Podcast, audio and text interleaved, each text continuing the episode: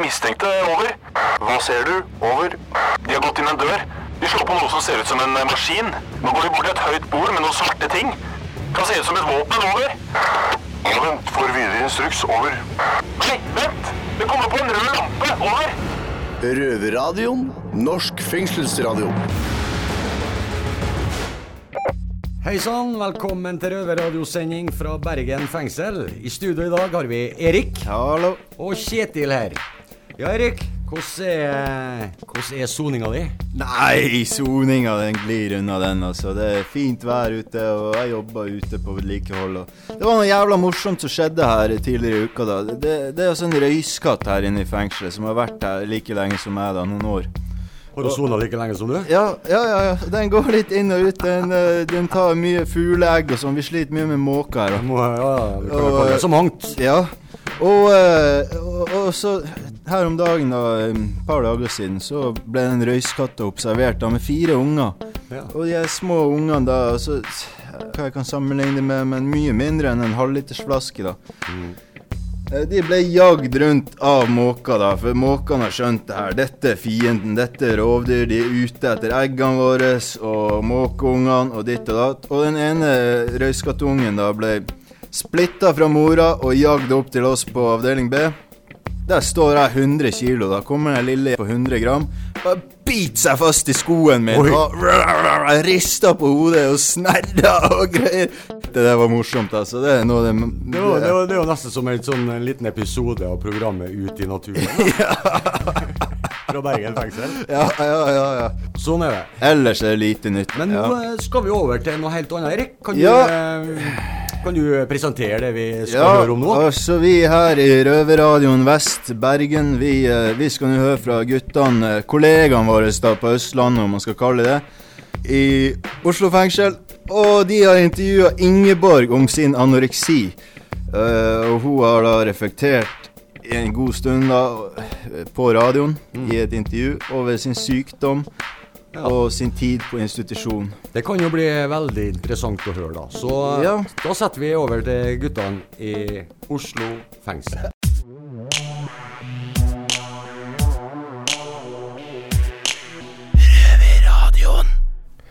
Er det noen likheter mellom oss kriminelle og mennesker som har sykdommen anoreksia? Det skal vi prøve å finne ut av i dag. Mata er mitt navn, jeg står her med Mickey. Yo, yo. I dag har vi en gjest som kanskje kan hjelpe oss med å bli litt klokere på dette. Kanskje. Ingeborg Senneset. Snakka vi med hverandre der? Ja, det var min skyld. Sorry. Ass. Ingeborg Senneset, du er journalist i Aftenposten og samfunnsdebattant. Velkommen hit til Røverradioen. Tusen takk. Ingeborg, du har en omfattende historie. Du har vært innlagt for anoreksia. Anoreksi, hvilken, hvilken er det? Eh, jeg pleier å si anoreksi, men eh, man kan sikkert si det man vil. Jeg tror det latinske er anoreksia nevrosa, men eh, du kan bare si spiseforstyrra, eller generelt gal. Ok, skal huske det. Ja. hva, hva skjedde med det? Um, tingen var at da jeg var helt liten, sånn fire, fem, seks år, så møtte jeg på en del voksne personer som oppførte seg skikkelig dårlig mot meg. Um, det gjorde at jeg fikk et veldig behov for å skade meg sjøl. Og jeg endte opp med akkurat spiseforstyrrelser fordi at jeg leste om det i en bok, eh, og tenkte at her var det en måte å skade seg sjøl på som ikke gikk ut over andre, og som ikke visste så godt på utsida. Så da ble det sånn helt tilfeldig akkurat den sykdommen, da. Um, og jeg var sjuk i vel ja, 10-15 år før noen oppdaga det. Og da det først ble oppdaga, så ble jeg jo slusa inn i helsevesenet. Og etter hvert så ble jeg også så syk at jeg var nødt til å bli innlagt. Og til sammen var jeg vel innlagt i tre år på tre forskjellige sykehus. Såpass. Så det var en liten stund. Men ja, lærte nå litt ved det. Og ble jo bedre etter hvert. Så jeg er jo, jeg er jo ut av behandling nå, da. Um, selv om jeg ikke kaller meg frisk. Um, Tvert imot er jeg blitt litt flinkere til å ikke være så sinnssykt opptatt av ordet frisk kontra ordet sjuk, da. Um, for jeg kom fram til uh, på et eller annet tidspunkt at hvis jeg skulle vente med å begynne å leve til jeg kunne kalle meg frisk, så var det ikke sikkert at jeg noen gang kom til å kunne begynne med livet i det hele tatt, da. Så jeg bare kom fram til det at ok, jeg må akseptere at jeg har en del eh, både tanker og handlinger som ikke er helt bra alltid. Men det går fint å jobbe, og jeg har venner, og jeg får gjøre ting som jeg syns er viktig for andre. Og da er man på en måte frisk nok, er ikke man det da? Jo. Jo. Du tar én dag om gangen. Ja, prøver. Hvorfor begynte du å blogge om det her? Um, du, etter liksom alle de der årene der jeg har gått rundt og holdt det her hemmelig, eh, fordi at eh, mange tenker på f.eks. spiseforstyrrelser da, som et sånn her rop om hjelp, men til meg så var det litt motsatt. Det var ingen som skulle vite det, det skulle være bare min hemmelighet. Um, men det hjalp meg jo egentlig ikke, fordi at det var ingen som kunne ane hvordan jeg hadde det. Folk lurte på veldig mye. Og jeg hadde egentlig et litt sånn meningsløst liv, da. Og så tenkte jeg OK, hvis jeg begynner å, å, å si det her offentlig, så kan jeg kanskje både informere andre om hvordan ting er, og jeg kan også legge et ekstra press på meg sjøl i behandling. Eh, så jeg bestemte meg for å starte en blogg, og helt fra 2009 til 2012 så delte jeg sånn hva jeg skulle gjøre i behandling, hva jeg hadde klart, hva jeg ikke hadde klart, um, hva jeg gjorde sånn på permisjoner og sånne ting. Dere er jo vant sikkert med permisjoner her òg? Ja, jeg har ikke jeg. hatt noe enda. Nei, Varetektsfengsel, så er det litt vanskelig. Okay. Ja, du må få dom for det. Ja, du må få dom før du får permisjon? Ja, og så vært her en viss tid. Ja, ok. Ja, vi hadde en viss skulle du si, karantene før perm, hvis det går an å si. Um, og når jeg først fikk begynne å ha permer, så var det sånn i starten noen timer, og så noen dager, og så kanskje en overnatting, osv. Og, så. Og det å fortelle liksom offentlig om målene, permisjonene, um, framgang og tilbakeslag, det var på en måte en, eh, en metode for å legge ekstra press på meg sjøl, da. Gir det mening? Ja. Jeg vil si det gir mening. Da har du liksom en sånn Da har du en kontrakt da med noen utafor, og ikke bare behandlingsapparatet. For det, det blir fort en sånn her Jeg vet ikke, du går nesten litt sånn i barndommen at du blir litt sånn opposisjonell mot behandlerne dine òg. Eh, selv om jeg har prøvd veldig hardt med å skulle gjøre det de sa, så er det ikke alltid så enkelt. I hvert fall ikke når det er noen som bestemmer over deg, og du egentlig liker å tenke sjøl, og kanskje du syns at de foreslår ganske tåpelige ting.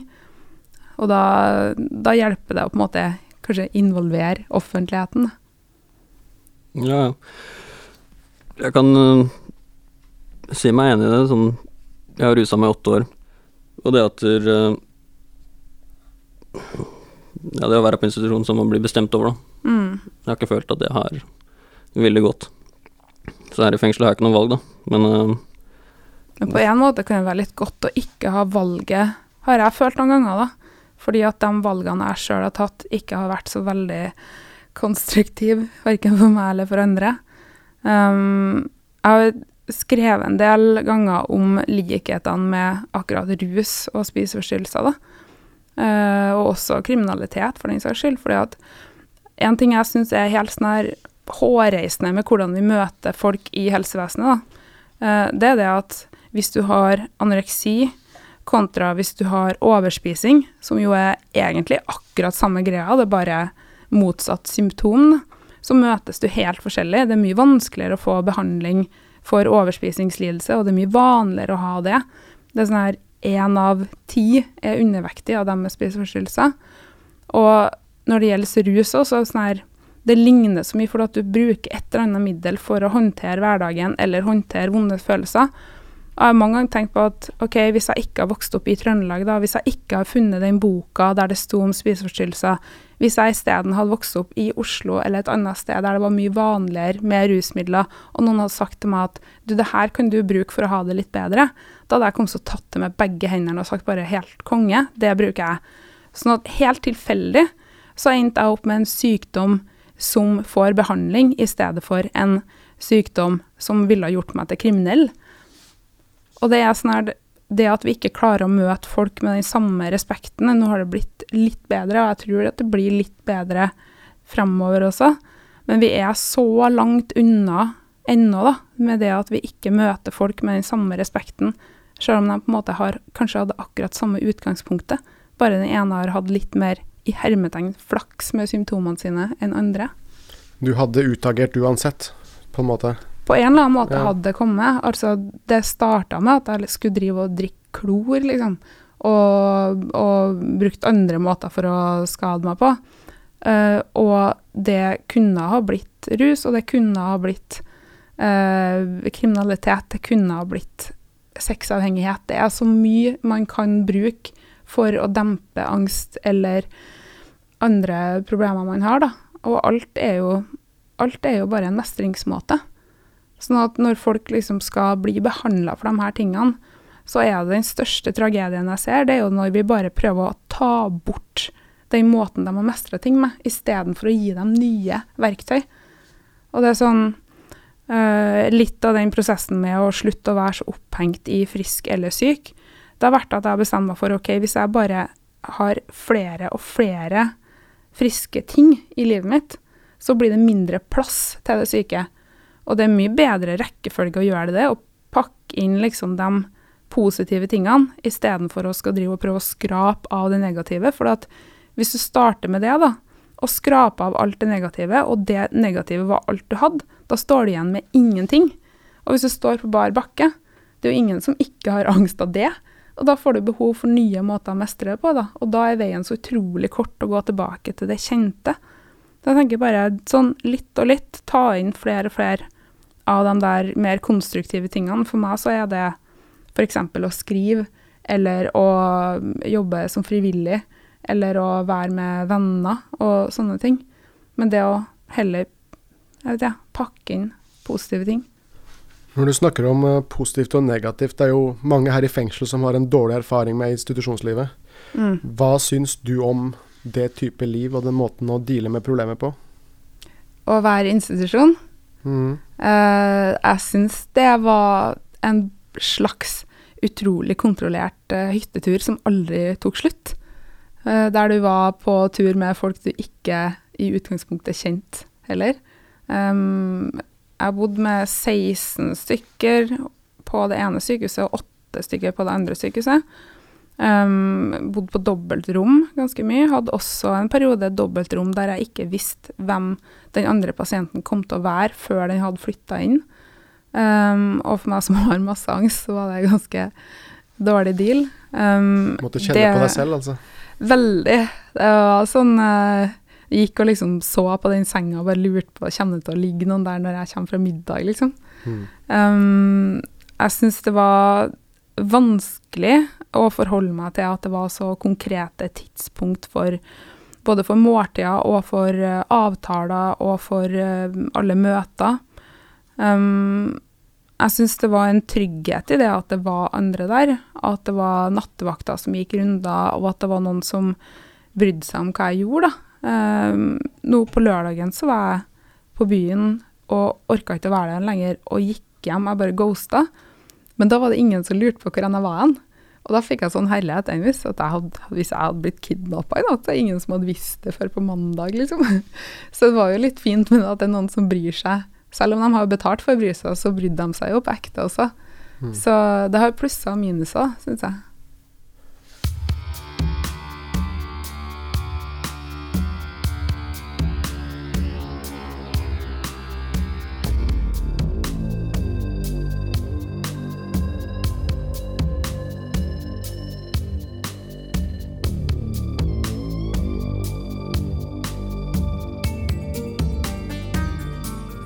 For de som ikke har lest bloggen din, eh, har du noen forståelsesfulle ord, tips eller råd til de som er der ute og selv sliter med dette, eller for de pårørende?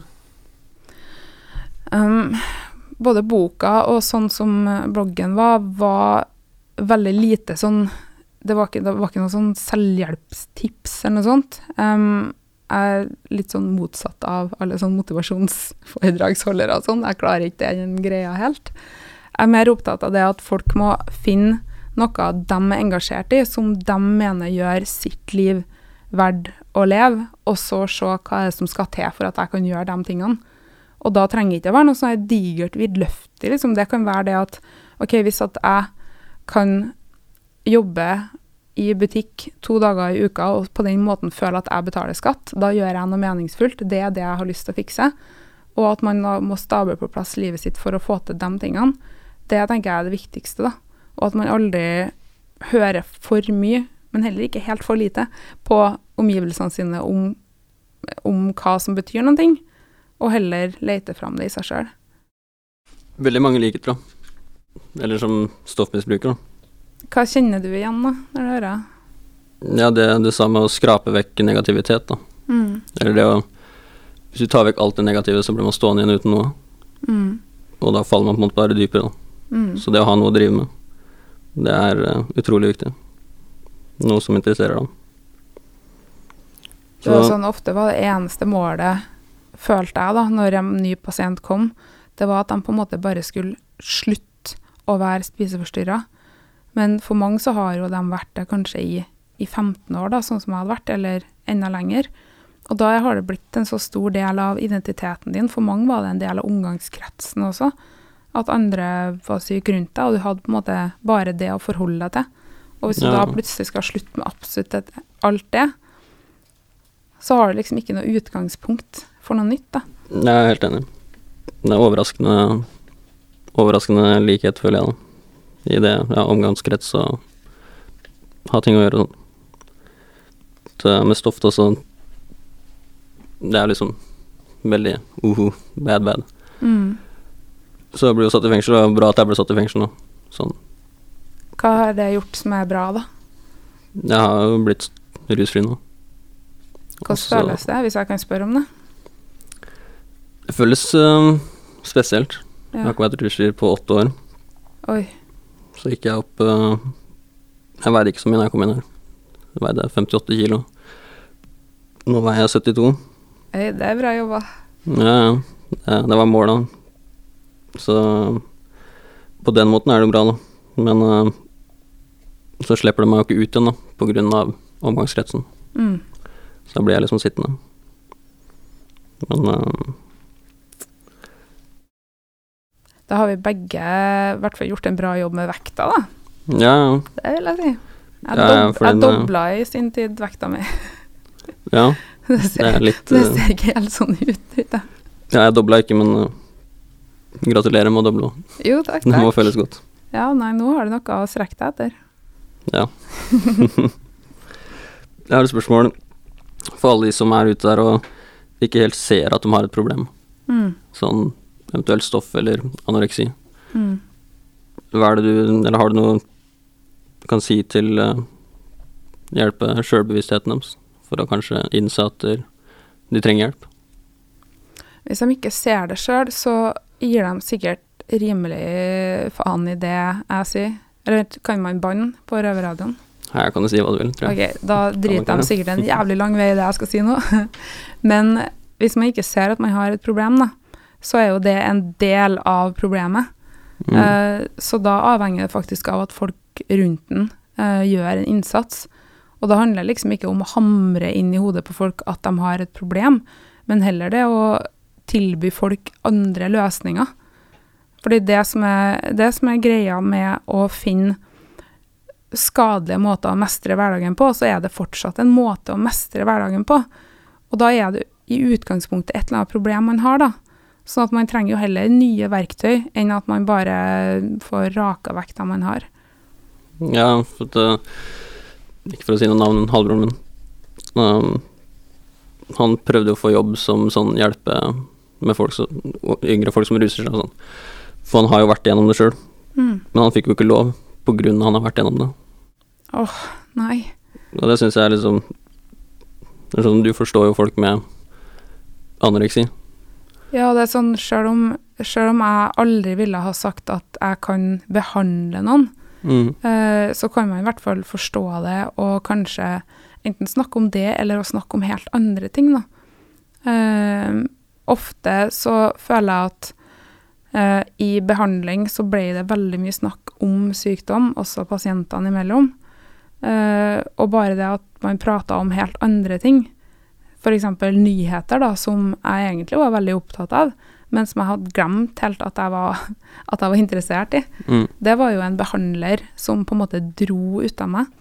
Det var, det var den behandleren som faktisk gjorde meg veldig mye friskere, da. For aller første gangen jeg skulle treffe han, så eh, kom jeg inn på kontoret hans. Eh, han heter Bjørn. Eh, han sier til meg at jeg kan bare sette meg ned. Jeg ser på den stolen han peker på, og den har armlen. Og da tenker jeg at der kan jeg ikke sette meg. Tingen var at jeg trodde at jeg var så ikke tjukk, men så stor, sånn som et gigantisk stillas, liksom. At hvis jeg satte meg ned i en stol med armlener, så kom jeg til å bli sittende fast. Og det var sånn jeg var, jeg var totalt overbevist om det. Men da ville jo de fleste kanskje sagt nei, det er ikke sånn, det går bra, sett deg ned, bare sitt her, jeg sitter her sammen med deg. Men Mm. han bare å ja, nei, men du kan jo sette deg her på den puffen jeg har. Så de første månedene i behandling så satt jeg på en sånn liten krakk istedenfor. Og, og prata om liksom hva jeg var interessert i, og hva jeg ville med livet, sånn utover det å gå opp eh, 600 gram til neste torsdag. Og sånn sakte, men sikkert så gikk det bare over til at jeg plutselig en dag bare Jeg tester stolen, liksom. Ja. Så jeg, han lot være med den der skvisinga, det der eh, at du må slutte å gjøre ting som er irrasjonelt, eller noe sånt. Det fikk liksom bare gå over sakte, men sikkert av seg sjøl, mens vi bygde opp tillit og snakka om ting jeg var interessert i, og bygde opp meg som menneske, da, heller enn å på en måte bare bryte ned det destruktive jeg sjøl hadde holdt på med. Ja, det, folk er veldig glad i å fortelle hva problemet er. Man Ja. vet hvis man vet hva problemet er, så hjelper det ikke. Så det er interessant å høre. Og det vil jo ofte ikke komme som ei bombe på den som er syk eller ruser seg heller, da. Man Ja. vet jo som regel, man har som regel et liten anelse om at det her ikke er helt bra. Ja, det er derfor er det så godt å høre at Eller bare ikke bli minna på det hele tida. Mm. Så ja, sånn som å sitte på den puffen isteden. Det Ja, det er snakk om ting. Andre ting. Mm. Hva snakker dere om i fengsel hvis dere ikke Eller dere snakker kanskje ikke bare om det dere har gjort, eller kanskje dere ikke snakker om det i det hele tatt? Det blir jo mye kriminalsnakk, da. Ja. Snakk om når man har eh, rettssak, hvor lenge man har en i varetekt, Mm. hvor lenge man skal sitte, strafferammer. Så det blir mye krimsnakk. Mye tidssnakk, høres det ut som. Eller sånn, vi snakka ofte om sånn her eh, Hvor lenge har du igjen av innleggelsen? Mm. Uh, hvor hen skal du etterpå? Det var veldig sånn Det var ofte så mye sånn horisont på det vi snakka om, istedenfor sånn Hvordan har du det akkurat nå? Hva er du interessert i akkurat nå? Det er vel mye av det samme her. ja, man finner jo fort ting til felles, og det er jo, det er jo bare hverandre å støtte. Alle sitter i samme båt. Mm. Så det er jo veldig mye likheter, da. Føler jeg i hvert fall ut ifra det du sier. Men føler dere at det er noen som er mer motivert for andre for å på en måte skal si, skape, et, skape et liv, skape en fremtid og alt sånt her? For det var sånn frustrasjon, i hvert fall hos meg, at det var noen som som jeg oppfatta som satt veldig fast i det at nei, når jeg skal hjem, så skal jeg egentlig bare hjem for å bli tynn. Eller når jeg skal hjem, så skal jeg bare hjem for å kaste opp. Og det var sånn folk snakka hele tida om Ikke folk sånn generelt, da, men noen av dem jeg var innlagt med, snakka veldig mye om det å være syk, og det at de aldri kom til å bli noe bedre, og at de skulle tilbake i de samme gjengene, de samme tingene, fordi at de på en måte ikke var motivert for noe annet. Da. Og det var i hvert fall kjempefrustrerende for meg som hadde lyst til å vet jeg, opp og gjøre noe nytt. Det er jo ikke alle som ønsker å gi slipp, da. Det er jo ikke noen rehabiliteres lettere enn andre. Mm. Så er det litt med at man blir så vant til det, som du sa, som man har gått med det i 15 år. Man ikke kjenner noen andre, og da er det på en måte det som er livet, da. Mm. Man vet nesten ikke noe annet. Så Men det er jo veldig mye av det her inne, nå. Det er liksom det, det, er, det er sjelden jeg hører noen snakke om hva de skal gjøre når de kommer ut. Med mindre det er et eller annet 'Å, faen, skal vi rane den plassen?' Sier han det? Ja, det er mye, mye, mye tullesnakk, da. Men uh, det går liksom i kriminalitet. Mm. Så Dette er De her, for kriminalitet. Og det er skikkelig mørkt, altså. Ja, ja. Du, man lærer mye rart, da. ja, det du ikke visste fra før eh, om kriminalitet, det kan stor sjanse for at du lærer her. Men det der er sjukt, for jeg har lært masse om spiseforstyrrelser da jeg ble innlagt. Mm. Fordi at nettopp fordi at jeg hadde holdt det så hemmelig, så hadde jeg, jeg hadde ikke noe sånn nettverk med andre syke. og alt sånt her. Jeg var bare vant til andre i hermetegn vanlige venner. Men da jeg først ble innlagt, så var det folk rundt meg som snakka liksom om hvilke måter som var mest effektive osv. Sånn, det var sånn skole i sykdom, da. Jeg har aldri vært rundt så mange kriminelle hele mitt liv på en gang. Nei. Altså langt fra. Men tror du det at institusjoner kan gjøre det verre for noen? akkurat det tror jeg kan gjøre det litt verre, ja. Ja. Og det tredje sykehuset jeg var på, som var samme plassen som jeg møtte han Bjørn som satte meg på en grakk, der var det så annerledes, da, fordi at det var pasienter fra alle mulige forskjellige grupper. Og der var det alt fra eh, deprimerte direktører til eh, en OCD-avdeling der folk med tvangslidelser fikk sånn kjapp behandling som var De var egentlig inn i tre uker og ut igjen. Til folk som hadde vært innlagt i årevis, sånn som meg. Til andre spiseforstyrra. Var også en som kom fra fengsel, faktisk, som var inn og fikk eh, behandling for det han sleit med. Og der var det så utrolig mye forskjellige folk, og det var nesten ingen som sleit med mat. Sånn at måltidene gikk liksom fra å være sånn superrigid, og selvfølgelig var han fortsatt rigid i hodet mitt, men jeg var bare omkransa av folk som spiste fordi de var sultne, f.eks. Som jo da var veldig fremmed etter hvert. Eh, og som eh, hadde annerledes samtaler rundt bordet, og prating og fliring, og veldig mye galgenhumor, selvfølgelig. Det er jo det man egentlig lever på. Sånn at det, var, det å komme i en sånn blanda forsamling tror jeg var utrolig sunt. Og det er det jo sikkert for oss alle, da. Hva følte du hjalp deg mest? Sånn å le av det, eller å få for, få forståelse fra andre, eller å kunne få pratet om det, eller hva, hva hjalp deg videre? Um, en blanding av uh, å jobbe ganske hardt med sånne helt praktiske ting. Um, det, å, det å komme meg opp i vekt var egentlig litt sånn her gå i oppoverbakke-opplegg, at du må faktisk bare gå på. Um, Det er bare i oppoverbakke du går oppover. Mhm. Ja, faktisk. Men eh, sånn i det daglige så hadde jeg aldri holdt ut uten å kunne flire sammen med folk som jeg kom godt overens med. Og det var det heldigvis mange av det òg, da. Eh, og samtidig så var det, i hvert fall for meg, utrolig viktig med um, med ren og skjær omsorg. Uh, det brukte jeg veldig lang tid på å si det ordet. Uh, jeg husker at jeg sa det høyt for første gang etter to og et halvt år. For jeg syntes det var så vanskelig å ta imot at noen liksom skulle bry seg om meg. Da ble jeg veldig sånn avvisende og bare nei, dropp det, og ble litt sånn ble litt sånn kald, da. Litt sånn klisjé? Blir det litt Ja, for klisjé for deg? Ja, jeg bare klarte ikke at noen skulle liksom dulle.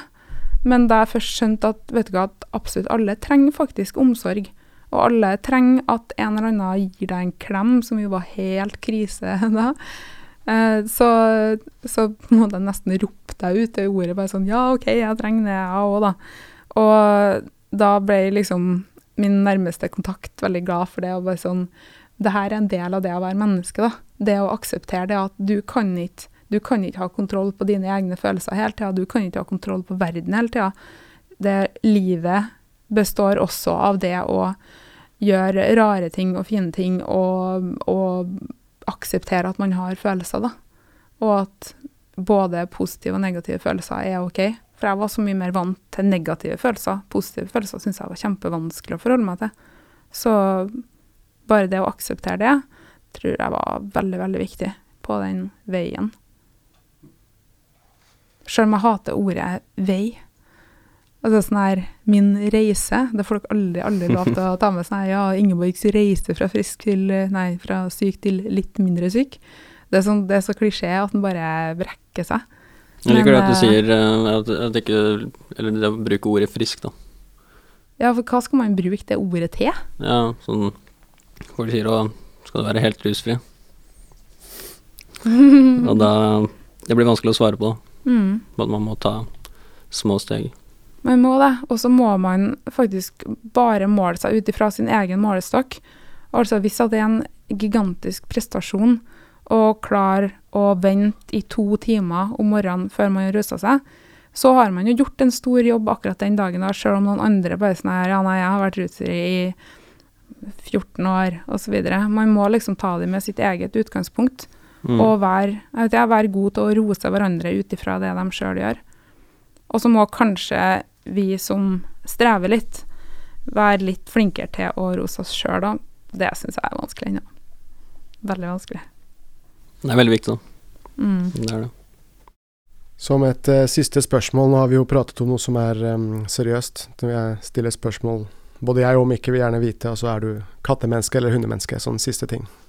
Og det er så lett å svare på. Jeg er 100 hundemenneske. Og hun Du er med i gjengen. takk. Velkommen, her er vi alle hundemennesker. å, jeg elsker hunder så høyt. Det er, det er terapi. Det er det. Takk for besøket, Ingeborg Senneset, journalist og samfunnsdebattant. Takk for meg.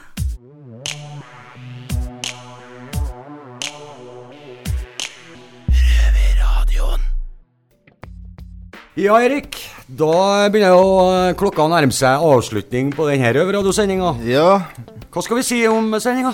Nei, altså Det har vært interessant, da. Det har uh, Jeg har fått litt nye sånn Eller noen andre synspunkter. Jeg har fått noen andre synspunkter på ting. Ja. Og uh, det er jo alltid greit. ja, hva skal du gjøre etter sendinga du nå, Erik? Nei, hva skal vi gjøre etter sendinga? Nei, jeg tenker jeg skal opp og trene litt og spise litt mat og eh, Ja, skal vi rett og slett bare kulene, da. Det er Ja. lørdag, og man skal ta livet med ro og slappe av. og Ja. Jeg skal ned og legge på meg ansiktsmaske maske og uh, vokse leggene mine. dag. OK! Ja. Så det er jo lørdag og helg, så man Ja. må jo gjøre seg litt uh, Ja. representabel til kvelden. Ja, det er klart det. er klart det Nei, altså her på Røverradioen får du det rått og usensurert hver lørdag. P2 15.30, eller når du vil på podkast. Tune in. Ja. Takk for oss. Det har vært stille fra over en time. Hva skjer? Over. Det er bare et radioprogram. Det er lettere å høre på dem der. Over. Ja, vet du når det går, da? Over. Det er samme tid og samme sted neste uke. Over.